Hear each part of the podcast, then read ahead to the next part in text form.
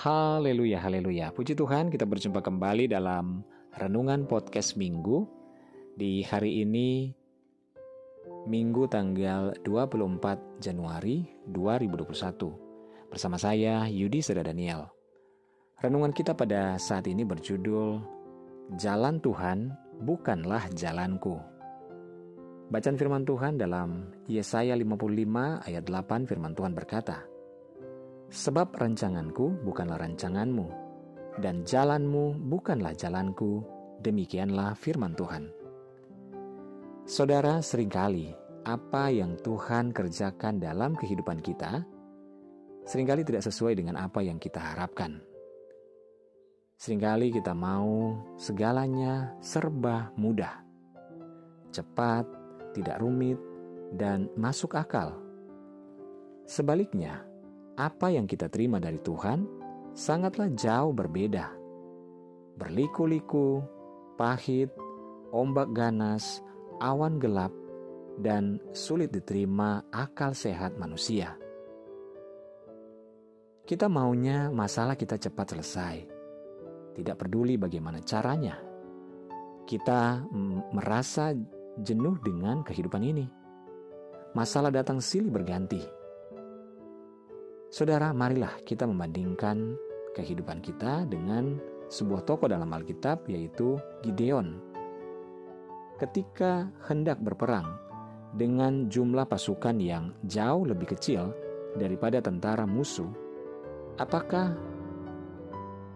Anda yakin dapat meraih kemenangan? Namun Goliat karena ketaatan dan mengikuti kehendak dan petunjuk Tuhan, maka Gideon tahu cara dan rancangan Allah itu sempurna. Jalannya tidak terselami. Namun, Gideon sangat yakin, sekalipun pasukannya sedikit, tapi jika Tuhan yang menyertai, maka Tuhan akan menyanggupkan mereka untuk mengalahkan musuh-musuhnya. Bahkan Tuhan memberikan kemenangan bagi Gideon dan pengikutnya. Ini adalah bukti semua yang Tuhan rancangkan atas kehidupan kita anak-anaknya adalah sempurna dan pasti yang terbaik. Oleh sebab itu janganlah pakai pikiran kita yang sangat terbatas ini. Tetapi sadarilah bahwa Tuhan kita tidak terbatas. Dia tahu semuanya atas kehidupan kita, dia tahu hati kita dan pikiran kita dan segala denyut nadi kita pun dia tahu. Dan apa yang yang di dalam rancangan pikiran kita juga dia tahu. Saudara, rasakan dan nikmatilah karya Tuhan dalam setiap kehidupan kita.